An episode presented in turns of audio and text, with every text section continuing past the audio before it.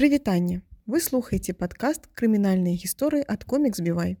Нашы гісторыі заснаваны на рэальных падзеях, якія адбыліся ў Беларусі. Імёны ўсіх герояў падкаста заменяны. Не забудзьцеся падпісацца, каб не прапусціць наступную гісторыю.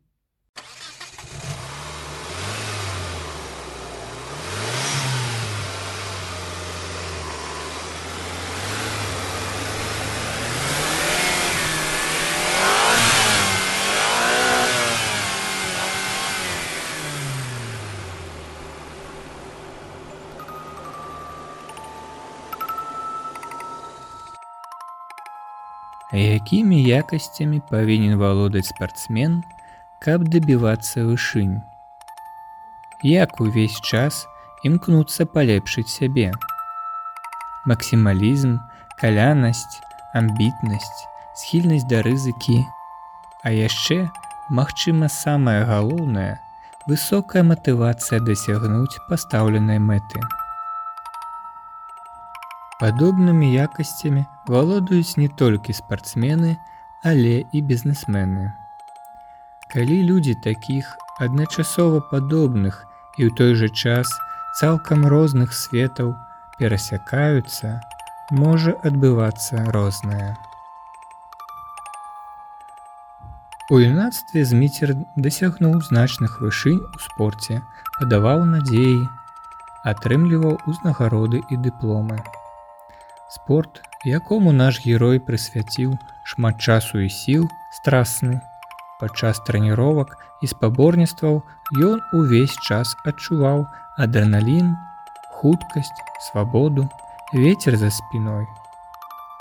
Але нешта ў жыцці змітра адбылося, і паступова яго вынікі сталі пагаршацца. І спорт патроху пачаў адыходзіць на другі план. А на першы выйшла хуткасная язда па дарогах буйнога абласнога цэнтра. Максімалізм, які быў уласцівы з метру, праявіў сябе ў новым захапленні. Калі хуткасная язда і ветру свіст у лабавое шкло перасталі прыносіць такія ж эмоцыі, як і раней, Ён пачаў ездзіць пад алкаголем. Гарачыя спрэчкі выклікае тэма пакарання заязду ў нецвярозым стане. Спрачаюцца аб памерах штрафаў, аб тэрмінах канфіксацыі правоў. Некаторыя лічаць, што ездуноў трэба прыраўняць да забойцаў і пакаранне зрабіць больш жорсткім. Аднак праблема п'яных на дарозе да гэтага часу не мае рашэння. Вось і нашага героя за год да апісаных далей падзей пазбавілі правоў заязду ў нецвярозым стане. Малады чалавек ліха пракаціўся па трасе. Аднак быў спынены міліцыяй і пакараны. Яго пазбавілі пасведчанне кіроўцы. Перастаў ён ездзіць за рулём. Не. Ён працягнуў ганяць, што было сіл па гарадскіх вуліцах. Чаму такое адбывалася? Магчыма, усім віной тое, што не было чалавека, які такі запал да руху накіраваў бы ў пазітыўнае рэчышча. Падзеі нашай гісторыі развіваліся цёплым вясновым днём. Было праваслаўнае свята, а на святы ёсць традыцыя ладзіць вячоркі пікнікі. 23гадовы зміцер не стаў выключэннем. Пачаўшы адзначаць яшчэ ноччу, раніцай ён быў гатовы да новых подзвігаў. Святая справа адзначыць свята годна. Экспертыза пакажа 2,8 прамілі ў крыві з метра. Можаце не гугліць, колькі трэба было выпіць спиртнога. Па формуле відмарка 5 двухлітровых бутэлек піва 4 з паловай проценту спирту дасць 1,6 прамілі. Значыць, на свяце было выпіта спиртное пацяжэй. Раніцай у дзень трагедыі з метру патэлефанавала яго дзяўчына і прапанавала весела правесці час. Кампанія арганізавалася хутка. Пара прыяцеляў, пара сябровак і каханая з маленькім дзіцём вырашылі зладзіць незабыўнае свята ў гаражы з метра. Гараж знаходзіўся у процілеглай ад дома частцы горада. Таму, каб туды было дабрацца нашмат зручней і хутчэй, лепш было ехаць на машыне. Уся кампанія запакавалася ў легкавік і ў прачуванне свята паехала праз увесь горад. Але не толькі зміцер і яго кампанія адзначалі і святкавалі. Недалёка ад гаражнага кааператыва, дзе малады чалавек арганізаваў сустрэчу, знаходзяцца маляўнічыя куткі прыроды, звыклыя месцы адпачытку гаражан. Сям'я 30гадовага прадпрынімальніка Анатоля разам з сябрамі таксама не засталіся у баку ад вясны і свята і зладзілі пікнік на беразе ракі. Шум, смех, весялосць, смачная ежа і алкаголь, ключ да поспеху любой вечарынкі. Верагодна, усім было весела. Усе былі разагрэтыя спиртнымі напоямі але любое, нават самае лепшае свята каля-небудзь заканчваецца. Вечарэла, пора было разыходзіцца. Кампанія Анатоля, не спяшаючыся цягнулася ўздоўж дарогі. Падчас следства яны сцвярджалі, што ішлі па абочыне, не замінаючы машынам. У гэты ж час зміцер са сваімі сябрамі, вярталіся дадому на машыне. Спартсмена выхоўвае не колькі сям'я, колькі трэнер. Часта менавіта трэнеры выклікаюць у спартсменаў адчуванне, што яны валодаюць суперздольнасцямі, што яны непаўторныя і знаходзяцца на асаблівым становішчы. Для дасягнення поспеху спартсменам трэба верыць у сваю выключнасць. Завышаная самаацэнка можа прышчапіць пачуццё уседазволенасці і беспакаранасці. А далей ужо пачынаецца сцяжынка злачыннасці. Хіба супергероі павінны думаць аб наступствах. Хуткая рэакцыя яшчэ адна асаблівасць спартсменаў. У іх ёсць некалькі секунд, каб прыняць рашэнне, якое можа памяняць ход падзей. Не заўсёды гэтыя рашэнні прыводзяць да перамогі. Не заўсёды перамога бывае сумленнай і разумнай. Так адбылося і з нашым героем. У нейкі момант з метру стала мала дарогі. Яму здалося, што Анатоль і кампанія займаюць занадта шмат месца.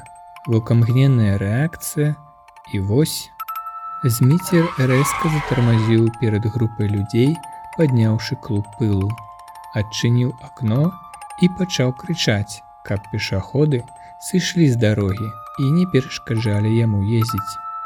Людзі спачатку сышлі з дарогі але як мы памятаем алкаголь тармозіць страх і нярэдка выклікае пачуццё агрэсіі Таму кампанія спачатку саступіла, а затым з упэўненасцю ў сваёй праваце сабралася вакол машыны, каб растлумачыць дзёрзкаму кіроўцу, што насамрэч гэта ён ім перашкаджае сваімі выклікаючымі паводзінамі.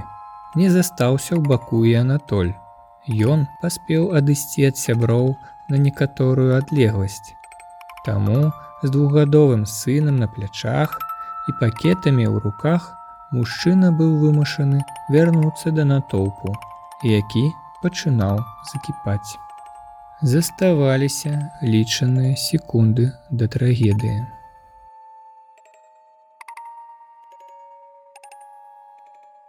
Анатоль падышоў у шчыльную да капота машыны, спыніўся і упэўнена сказаў: « І што, пераедзеш мяне, Машына зароўла. Зміцер быў чалавек справы, а не слова. Ён нічога не адказаў. Ён націснуў на газ.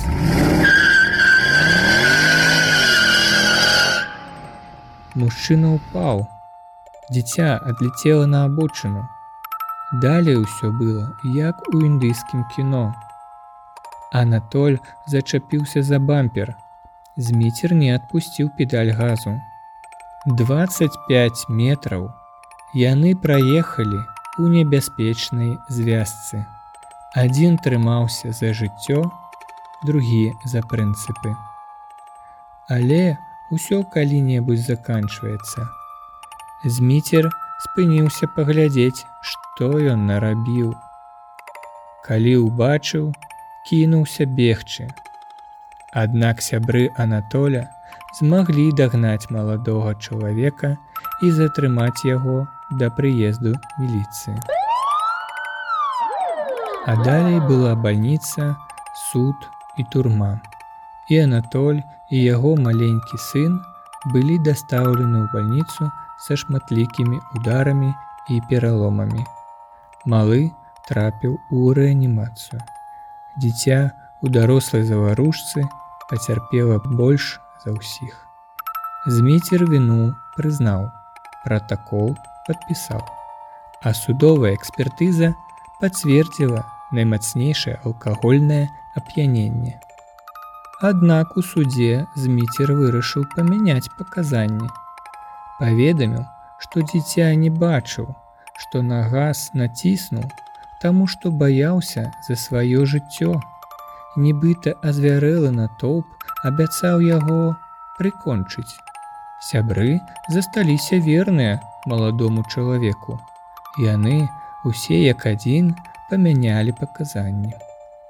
Бацька з метра пісаў скаргі, спрабуючы растлумачыць, што яго сын ні ў чым не вінаваты.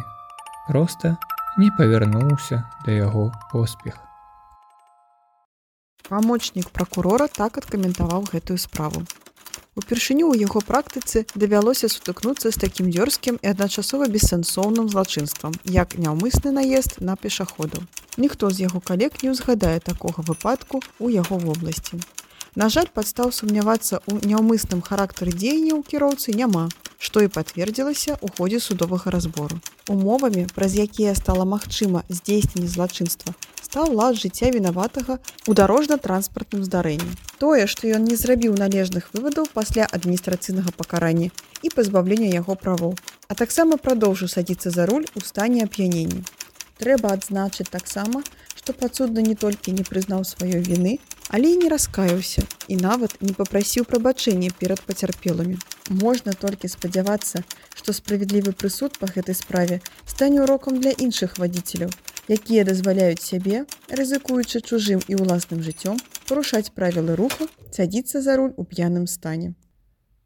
Суд не прыняў да ўвагі новыя звесткі.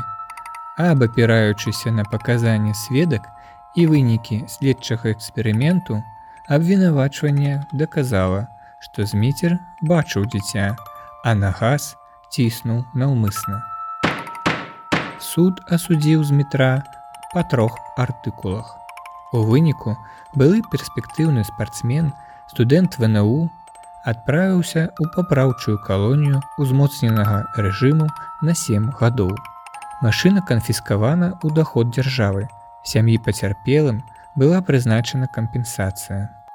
Дастаткова аднаго неправільнага рашэння, успышкі гневу і вось нага апускаецца на газ. І частка жыцця ляціць у дзірку.